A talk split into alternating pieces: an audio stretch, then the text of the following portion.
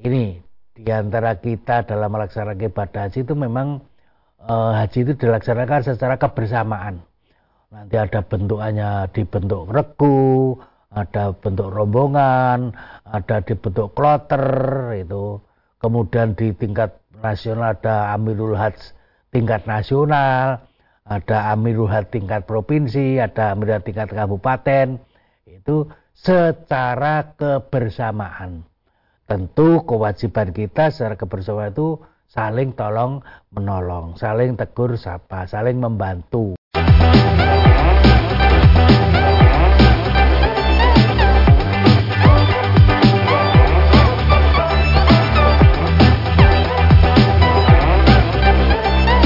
Bismillahirrahmanirrahim. Assalamualaikum warahmatullahi wabarakatuh. Saudaraku pemirsa MTA TV di mana pun Anda berada, Puji syukur Alhamdulillah senantiasa kita panjatkan kehadirat Allah subhanahu wa ta'ala atas limpahan karunia nikmat dan juga rahmatnya sehingga di kesempatan kali ini kita bisa berjumpa kembali dalam program Fajar Hidayah. Dan pemirsa, mari kita manfaatkan waktu di pagi hari ini untuk senantiasa belajar, utamanya kita memperdalam ilmu agama. Dan di setiap hari Ahad kita nanti akan dibimbing oleh beliau Ustadz Dr. Setia Budi Santoso. Serta Alhamdulillah hari ini beliau sudah hadir di studio MTA TV. Langsung saja kita sapa. Assalamualaikum warahmatullahi wabarakatuh. Waalaikumsalam warahmatullahi ya. Kabar baik, sehat hari ini dokter? Alhamdulillah sehat, sehat. Alhamdulillah. Semoga senantiasa diberikan kesehatan. Iya, mudah-mudahan. Dan juga untuk para pemirsa, semoga juga dalam keadaan baik serta sehat juga ya. Semoga juga dengan kesehatan ini bisa meningkatkan ibadah kita dan bisa kita manfaatkan secara optimal. Baik dokter, untuk kesempatan pagi hari ini kita nanti akan membahas terkait tentang ya. apa ini? Jadi haji dilihat dari kesehatan hmm. jiwa. Haji ya. dilihat dari kesehatan jiwa ya. Dan di kesempatan kali ini kita juga berikan waktunya untuk para pemirsa yang akan bertanya. Silahkan bisa menghubungi kami di 0271 679 3000 atau di line SMS dan WA di 08112553000. Dan untuk mengawali kita pelajaran hari ini kita akan dengarkan lebih dahulu mukadimah dari ya. Ustaz. Silahkan Ustaz. Assalamualaikum warahmatullahi wabarakatuh. Alhamdulillahirabbil alamin. Wa bi nasta'inu wa umuritu nawatin. Asyhadu an la ilaha illallah wa asyhadu anna Muhammadan abduhu wa rasuluh nahmadu wa nasta'inu wa nastaghfiruh wa na'udzu billahi min syururi anfusina wa min sayyiati a'malina. May yahdihillahu fala wa may yudhlil fala hadiyalah asyhadu an la ilaha illallah wa asyhadu anna muhammadan abduhu rasuluh amma ba'du. Qala azza wa jalla a'udzu billahi minasyaitonir rajim. Fihi ayatum bayyinatum maqamu ibrahim wa man dakhalahu kana aminna walillahi ala nasi hijul baiti manistato'a ilaihi sabila. Wa man kafara fa innallaha ghaniyun 'anil alamin. Para pemirsa TV para pendengar radio MTFM Persada FM dan juga beberapa siaran radio yang ikut menyiarkan Fajar Hida pada pagi hari ini mari selalu kita bersyukur kepada Allah.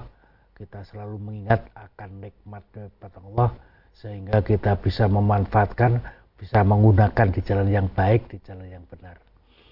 Pada pagi hari ini kita akan membicarakan masalah haji dilihat dari segi kesehatan jiwa. Di mana kemarin sudah saya sampaikan tentang haji dilihat dari kesehatan fisik. Di dalam surat Al-Imran tadi 97 yang saya bacakan di situ ada wamin walillahi ala nasi hijul baiti manistato ailahi sabila. Jadi barang siapa ya kewajiban haji adalah kewajiban bagi manusia terhadap Allah yaitu bagi orang yang istitoah bagi mereka yang sanggup melaksanakannya dan melaksanakan perjalanan di jalan Allah. Barang siapa mengingkari kewajiban haji itu maka sesungguhnya Allah Maha Kaya tidak merugikan sesuatu. Jadi kalau dari sini memang mestinya haji itu diperiksa dulu. Artinya calon-calon itu ada pemeriksaan fisik, ada pemeriksaan jiwa. Jadi kalau sehat, kalau kuat, kalau bagus berarti lolos, berarti bisa berangkat haji. Tetapi kalau dari segi fisik tidak lolos, tidak bisa berangkat haji. Begitu pula dari kesehatan jiwa. Ada pemeriksaan jiwa di mana mestinya sehat secara kejiwaan. Saya sampaikan sehat secara kejiwaan ini mestinya ada ciri bagi calon jamaah haji atau bagi mereka yang berangkat haji. Yang pertama, ciri orang yang sehat secara kejiwaan adalah dapat menyesuaikan diri secara konstruktif pada kenyataannya meskipun kenyataan itu buruk baginya. Jadi penyesuaian secara sosial atau secara kejiwaan itu bisa menyesuaikan diri. Itu berarti ciri sehat secara jiwa. Nah bagi mereka ibadah haji tentu kegiatan ini mereka biasa laksanakan ya. Terutama mungkin dalam perjalanan mungkin nanti misalnya ada kegiatan antrian misalnya ada kegiatan yang banyak orang misalnya kegiatan yang ya mungkin secara kejiwaan kadang-kadang uh, bikin konflik dan sebagainya. Tapi bagi mereka yang jiwanya sehat maka itu bisa menyesuaikan diri. Sehingga tidak ada masalah. Berarti haji itu harus punya jiwa yang sehat. Artinya jiwa secara konstruktif walaupun mungkin dalam kenyataan itu eh, kegiatan itu membuat buruk itu contohnya misalnya harus antri ke belakang harus antri makanan harus antri imigrasi harus antri toilet dan sebagainya eh, menyesuaikan diri kemudian di sana banyak orang itu juga bisa menyesuaikan diri kemudian yang kedua ciri jiwa yang sehat adalah memperoleh kepuasan dari cerih payah usahanya.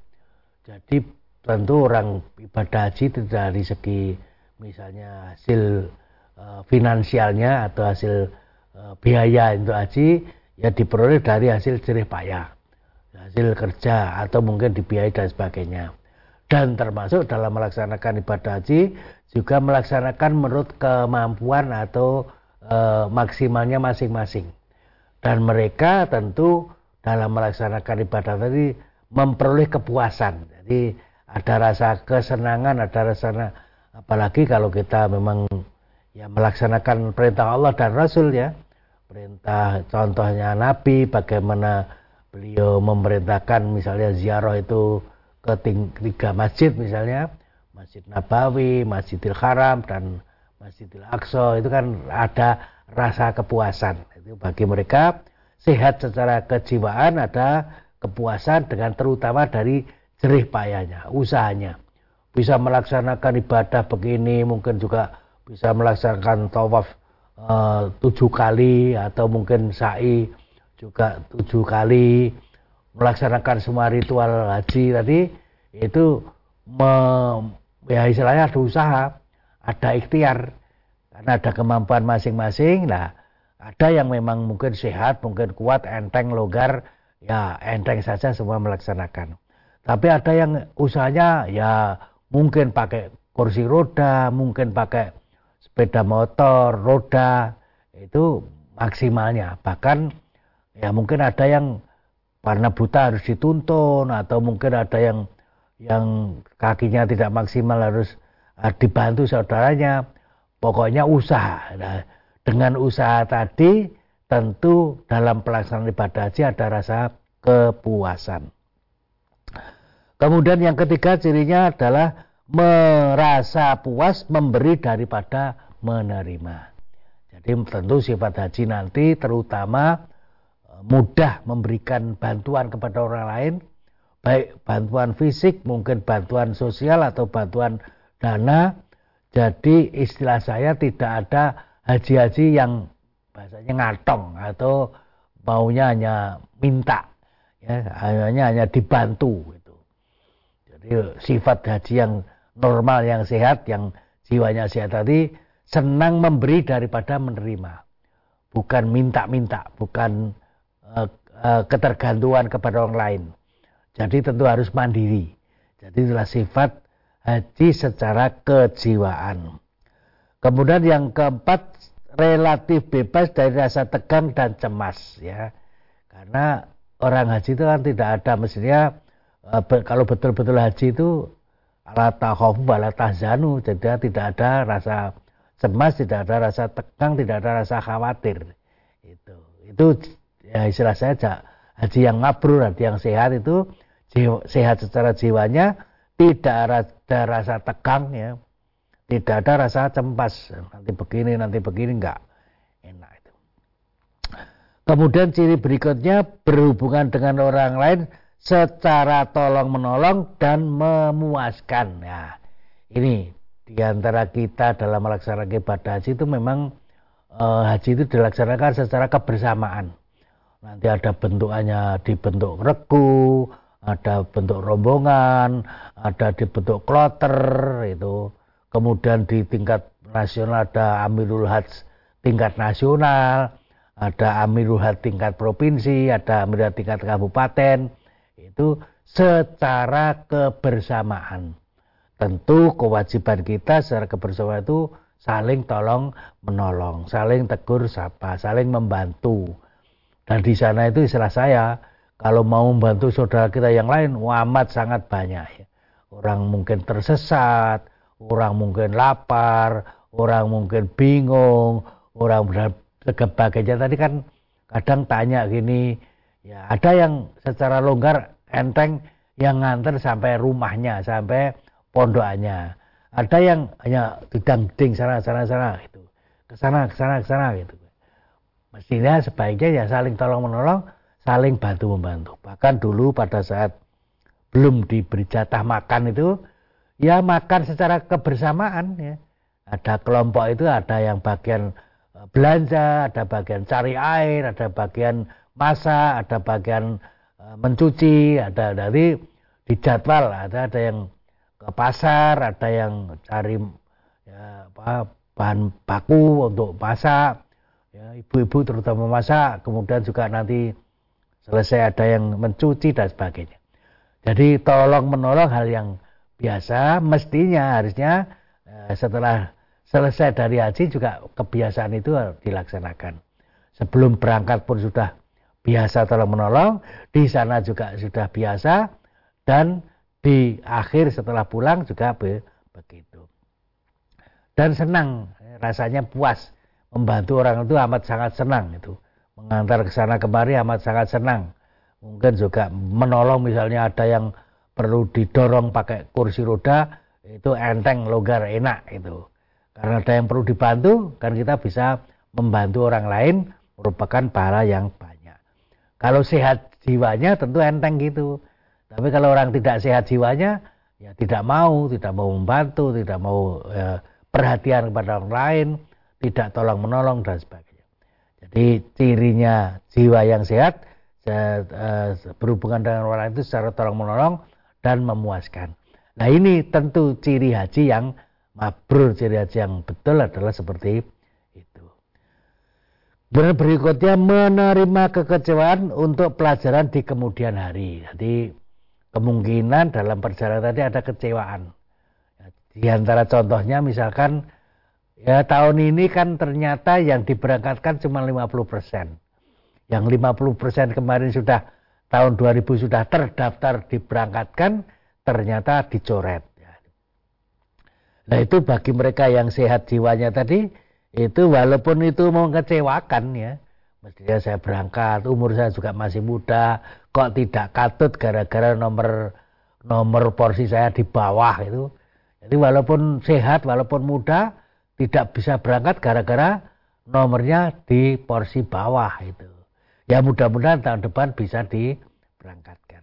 Itu kalau dilihat dari kekecewaan tentu membuat kekecewaan. Tapi e, merupakan pelajaran, merupakan nanti kita persiapkan nanti itu mudah-mudahan tahun depan peraturannya ya bahkan mungkin kalau bisa 150 persen sehingga tahun 2000 yang dulu uh, sudah mau berangkat sekarang tidak berangkat karena di bawah 50% tadi ditambah 2021 satu tahun tambah satu setengah tahun berarti 150% mudah-mudahan.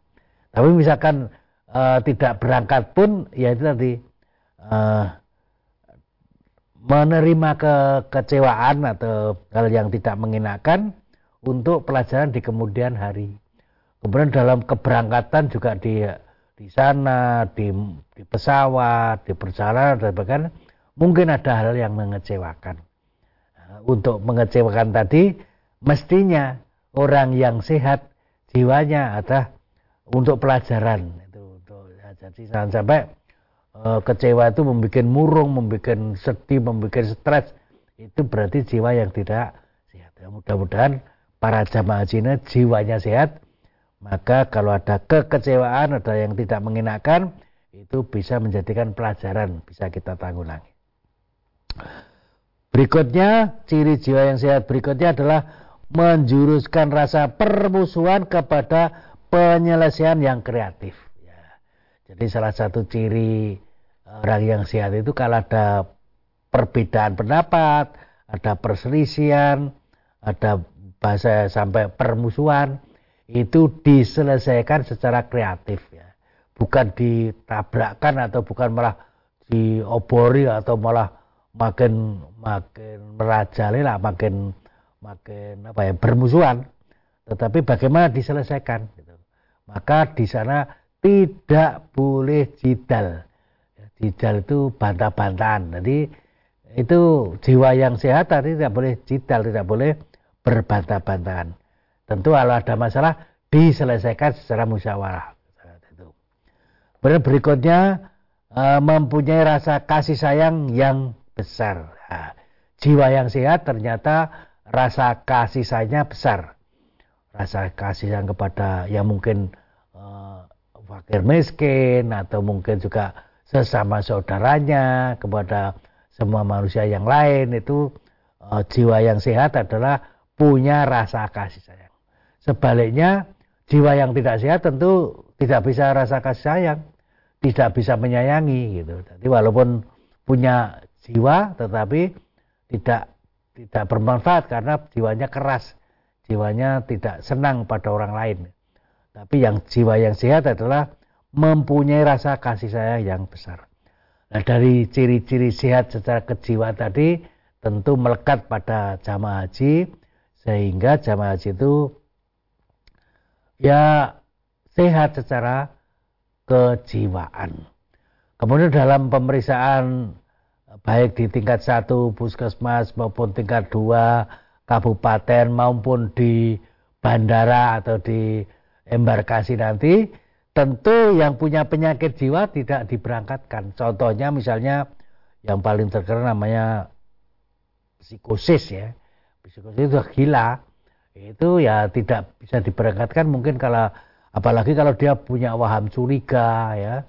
Itu itu nanti kalau waham curiga kan bikin masalah di sana bisa bisa menyakiti orang bahkan yang paling berat sampai membunuh orang karena ada waham curiga, ada juga waham kebesaran, ada juga waham-waham yang lain.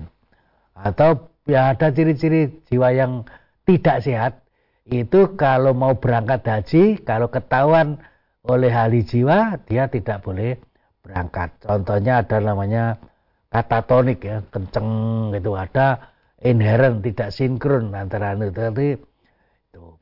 Atau juga yang paling berat eh, depresi ya. Hanya diem saja, hanya nangis, aja hanya pokoknya tidak bisa berhubungan dengan orang lain karena depresi itu atau juga rasa cemas yang berlebihan ya. Cemas kadang-kadang karena banyaknya orang dia takut dan sebagainya naik pesawat tidak berani atau air tidak ya, kalau lihat air juga tidak senang dan sebagainya ada rasa jiwa yang tidak sehat itu biasanya ada pemeriksaan sebelum berangkat. Nah, mestinya kalau dia lolos, lulus dari penyakit-penyakit jiwa ini, maka ya tidak uh, bisa berangkat dengan baik dan uh, sehat secara kejiwaan. Yang tidak sehat tadi, yang terlihat namanya gila atau namanya psikosis, atau ada yang namanya bipolar itu ya kadang senang, kadang susah ya kadang tertawa, kadang nangis. Jadi namanya bipolar. Atau juga ya yang paling bahaya pada saat susah, pada saat menangis, pada itu yang paling bahaya bunuh diri gitu.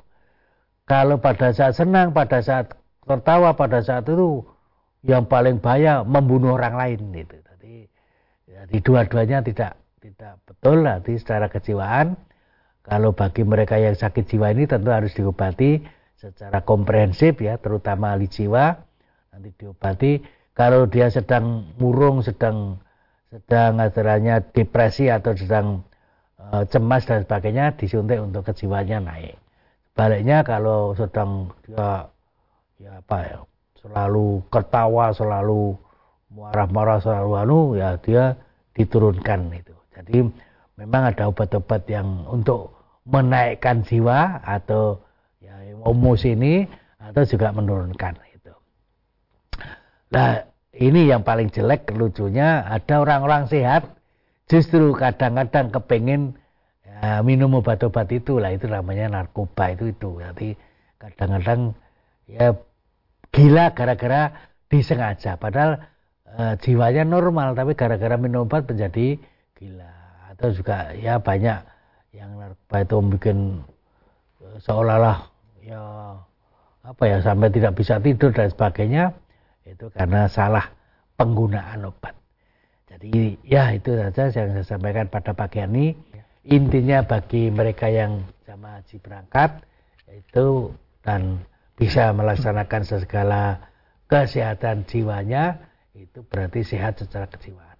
Nah yang tidak bisa berangkat barangkali ada pemeriksaan jiwa karena dinilai ada penyakit jiwa maka tidak bisa berangkat dan tidak bisa melaksanakan haji. Berarti orang haji itu sehat secara kejiwaan.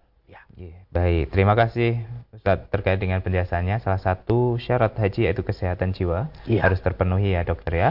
Semoga nanti kita bisa menjaga kondisi kita. Insya Allah ketika dengan kita selalu menuntut ilmu agama, kondisi kejiwaan akan bisa ya, baik ya. mudah-mudahan sebab dengan ala bizikrilah tatmainul qulub. Jadi orang yang selalu dekat dengan Allah, ingat pada Allah, hati menjadi tentram. Ya, baik.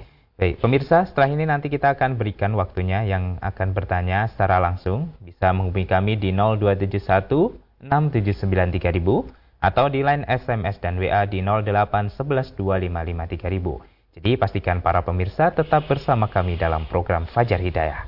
Baik, saudaraku pemirsa MTA TV di mana pun Anda berada, terima kasih Anda masih setia bersama kami dalam program Fajar Hidayah. Di pagi hari ini pemirsa kita masih bersama dengan beliau Ustadz Dr. Setio Budi Santoso serta mempersilahkan untuk para pemirsa yang akan bertanya silahkan menghubungi kami di 02716793000 atau di line SMS dan WA di 08112553000. Baik dokter, kita berikan kesempatan pertama untuk penelpon di pagi hari ini. Kita terima. Halo, Assalamualaikum. Waalaikumsalam warahmatullahi wabarakatuh. Baik, dengan siapa dan dari mana ini? Dari Palembang ini Pak Hadi. Pak Hadi di Palembang, silahkan ya. pertanyaannya.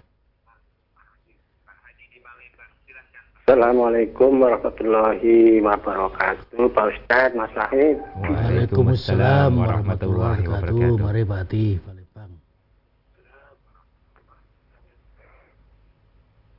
Jadi Pak Ustaz, sesuai dengan tema, di tempat saya itu, bapak-bapak haji itu, kalau berjumpa itu kok tidak ada yang mau menyapa.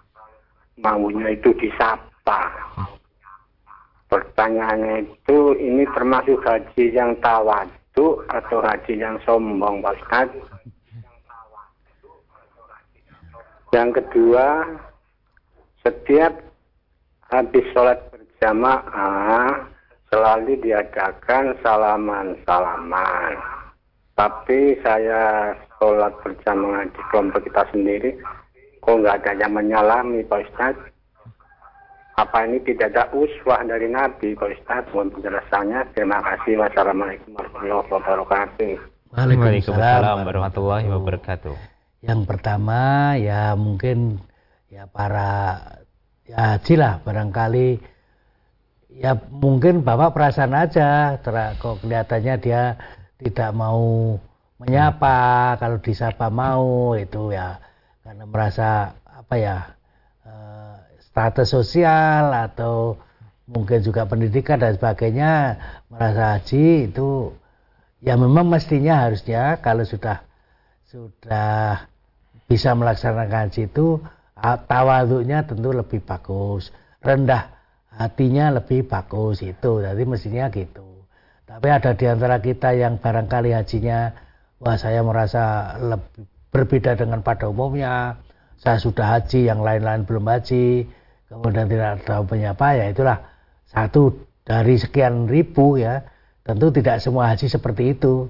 Yang bapak lihat tadi kan gitu. Jadi kalau memang mestinya sudah berangkat haji malah justru lebih rendah hati lebih mungkin kalau e, menyapa ya lebih mendahului menyapa. Ya itu.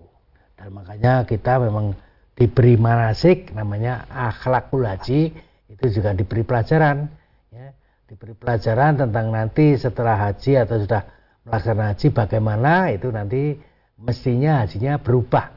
Artinya kalau dulu pada saat belum haji ya tidak mau menyapa kecuali disapa duluan itu tentu nanti setelah selesai haji dan si manasiki dengan betul tentu akan lebih rendah hati sehingga lebih mendahului menyapa kalau ada saudara kita ketemu. Kemudian yang kedua tentang salaman. Salaman itu tentang salaman sesudah sholat, syariatnya secara khusus tidak ada. Jadi memang salaman itu dituntunkan oleh Rasulullah kapan saja di mana saja kita ketemu salaman itu memang dicontohkan oleh Rasul dan diperintahkan karena akan menghilangkan hil-hil kita. Jadi sebaiknya kita salaman kapan saja. Tetapi kalau harus pada saat setelah sholat tidak ada ketentuan harus seperti itu. Maka ada di antara uh, orang itu salaman sudah sholat, ada yang tidak karena memang tidak ada keharusan sudah sholat. Tapi uh, memang kalau kita ketemu di mana saja, kita uh, saudara kita itu tadi salaman itu dituntunkan. Tapi tuntunannya tidak harus sesudah sholat, kapan saja.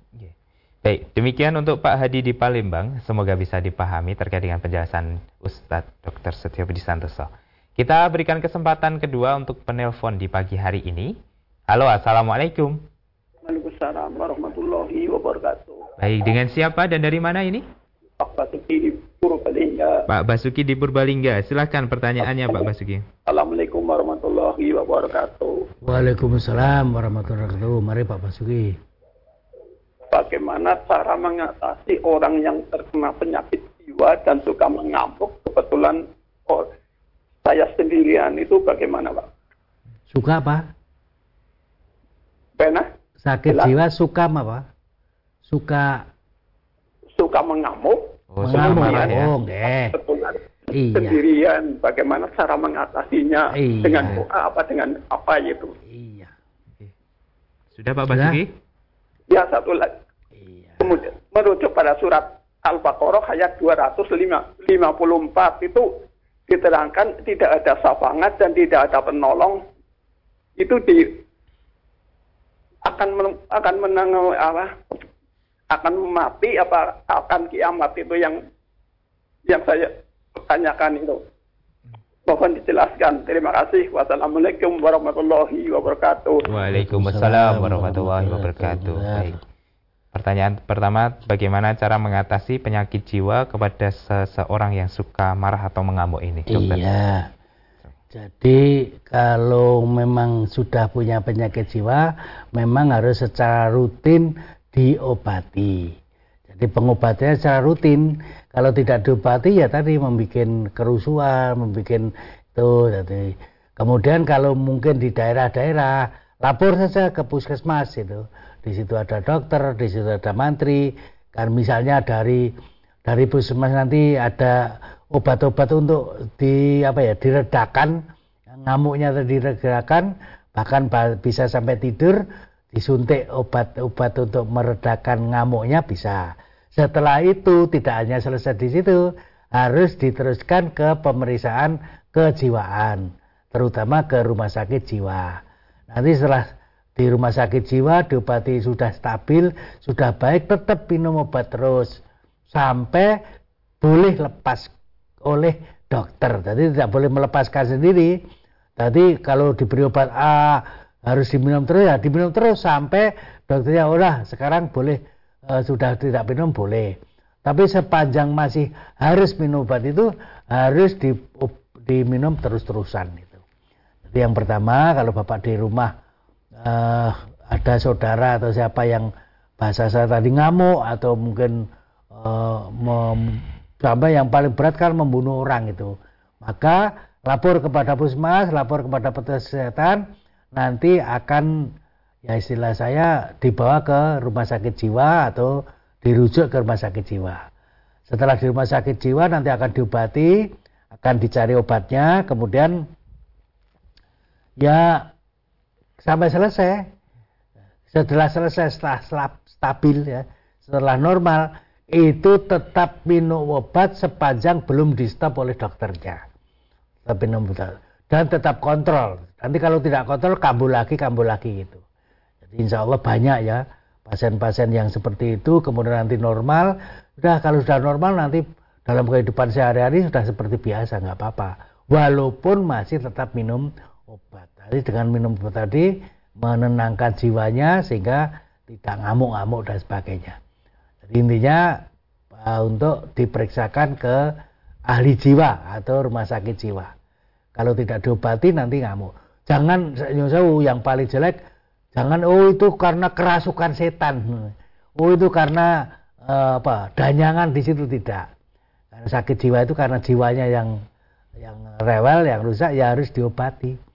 Oh, berobatnya yang paling tinggi adalah kepada psikiater ya dokter ahli jiwa psikiater tapi di rumah sakit rumah sakit juga banyak psikiater eh, minimal nanti dari di, di rumah itu kalau sudah ngamuk boleh ada suntikan-suntikan untuk menenangkan jiwanya kemudian diperiksakan ke psikiater Dan yang kedua tadi di ya surat nanti di di syafaat ya tentang syafaat ya nanti tanyakan ke ahli tafsir aja hari Senin, Senin, Senin ya, ya hari Senin nanti ya. bagaimana penjelasan tentang safar itu. Ya, baik.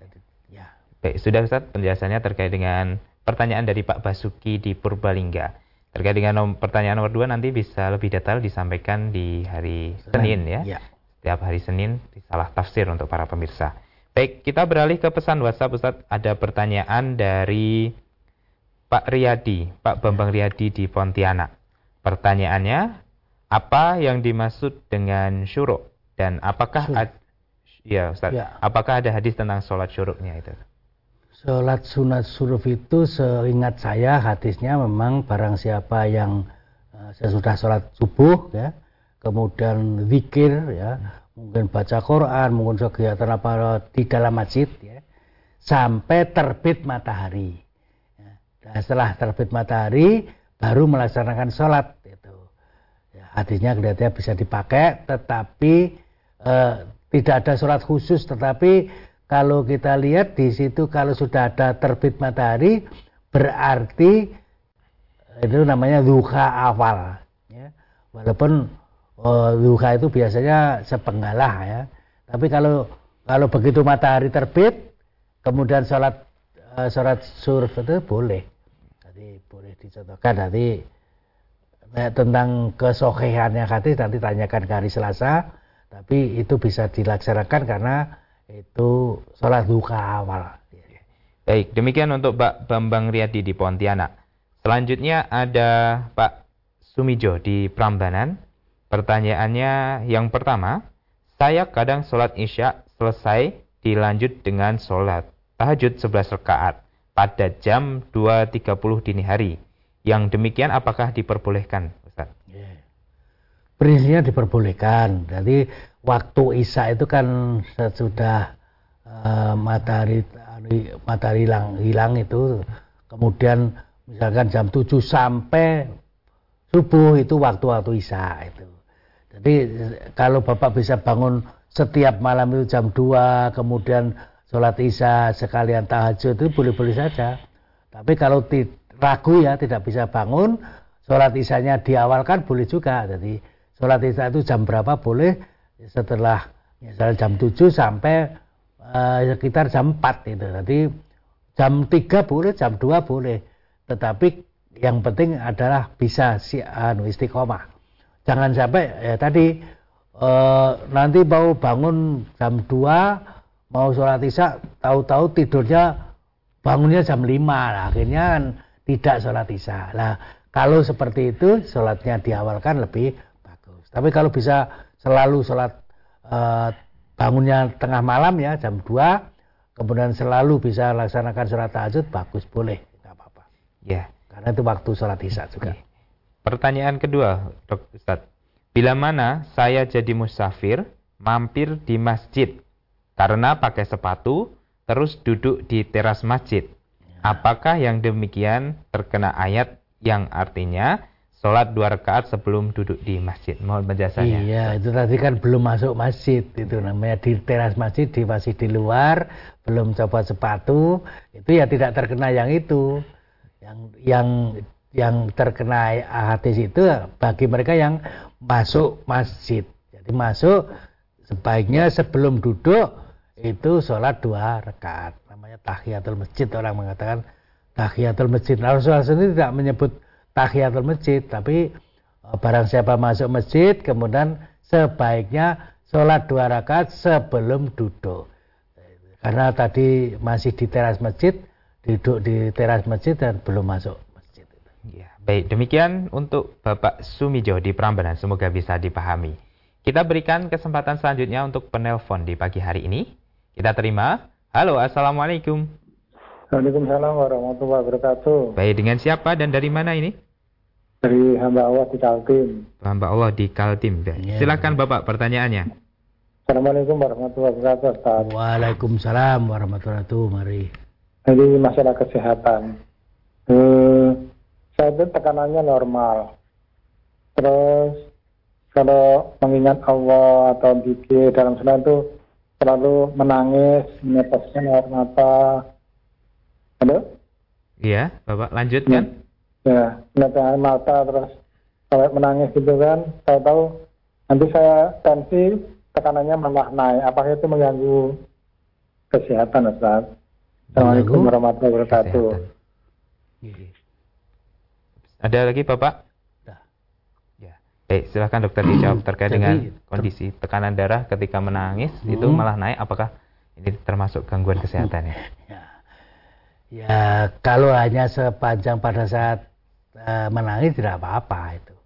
Ya, yang perlu ditanyakan pada saat tidak menangis apa tetap tinggi.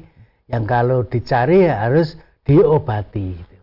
Jadi kalau hanya pada saat menangis agak tinggi, kemudian setelah nangis eh, tidak itu ya ya ya tidak apa-apa, bukan bukan tekanan darah tinggi yang rutin. Tapi kalau pada saat menangis tinggi, kemudian pada saat tidak menangis tinggi juga, itu berarti tekanan darah tinggi. Di waktu-waktu yang lain dicek gitu.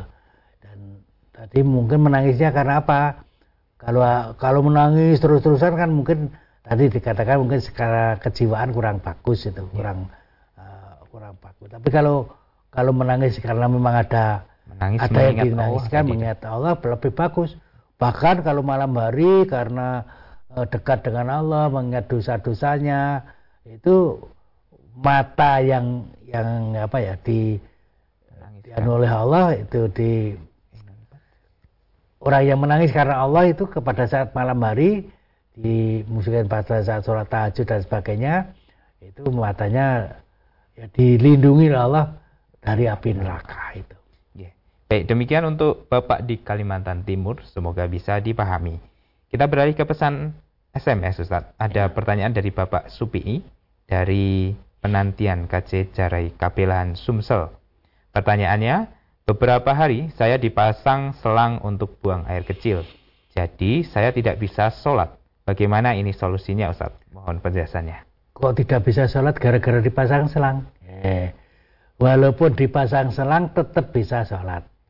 Mas tatoktum sebatas eh, apa ya kemampuannya. Jadi kalau bisa sholat juga sambil berdiri sambil duduk sambil silahkan. Tapi kalau tidak bisa begitu ya dalam kondisi misalnya sakit terpasang selang tetap bisa sholat. Sholat tidak boleh ditinggalkan dalam kondisi apa pun. sekalipun Yusewu tidak bisa bergerak tidak bisa, hanya bisanya kedep ya.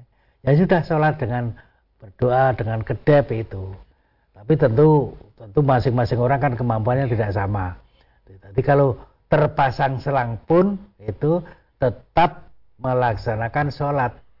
Sekalipun mungkin tadi keluar air kencing kemudian itu kan bahasanya kan ya karena mengeluarkan hadas dan barang najis kan uh, itu sholatnya tidak tidak kalau memang karena sakit kan itu namanya apa ya ya diberi keringanan oleh Allah lah.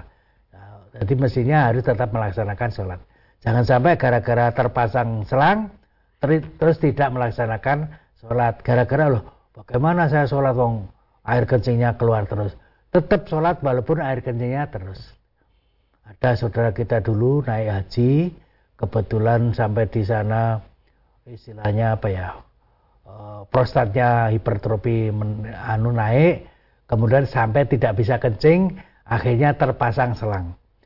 Sudah terpasang selang walaupun tawaf dalam kondisi terpasang selang bisa ya sudah tawaf dalam kondisi terpasang selang sholat juga begitu sholat itu kalau memang harus dipasang selang tetap melaksanakan sholat mas tum itu Baik, demikian untuk Bapak Supihi.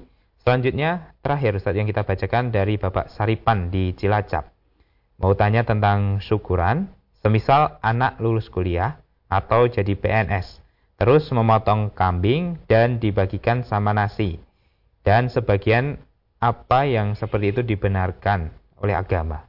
Iya, itu orang Jawa senangannya biasanya kalau syukuran kan makan-makan itu. Jadi kalau dengan makan-makan tadi merasa ada apa ya semacam ritual atau semacam keyakinan-keyakinan tertentu itu ya tidak sah tidak halal gitu tapi kalau hanya senang senang makan mari kita makan-makan bersama ya boleh-boleh saja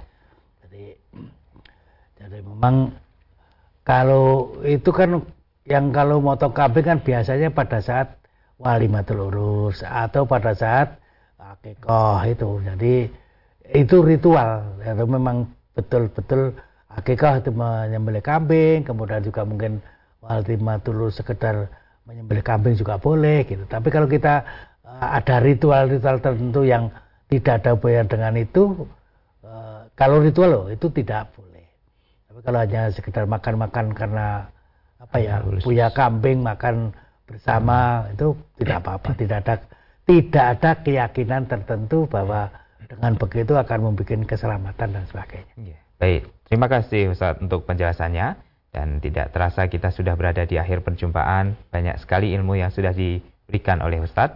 Semoga kebersamaan kita nanti bisa dilanjut di ahad depan Ustaz. Ya. Dan juga untuk Ustaz dan keluarga semoga senantiasa diberikan kesehatan. Assalamualaikum warahmatullahi wabarakatuh. Waalaikumsalam warahmatullahi wabarakatuh. Ya, baik, saudaraku pemirsa MTA TV di mana pun Anda berada. Demikian tadi telah kita simak dan ikuti bersama program Fajar Hidayah untuk edisi kali ini. Kami mengucapkan terima kasih untuk partisipasinya, serta mohon maaf apabila ada pertanyaan yang belum sempat kami bacakan. Serta jangan lupa untuk selalu menjaga kondisi tubuh kita supaya tetap fit, tetap prima, sehingga kita nanti bisa menjalankan ibadah secara optimal. Akhirnya, saya Wahid Arifuddin pamit undur diri. Alhamdulillahirrabbilalamin. Subhanakallahumma Wa bihamdika asyhadu ilaha illa anta astaghfiruka wa atubu ilaik. Wassalamualaikum warahmatullahi wabarakatuh.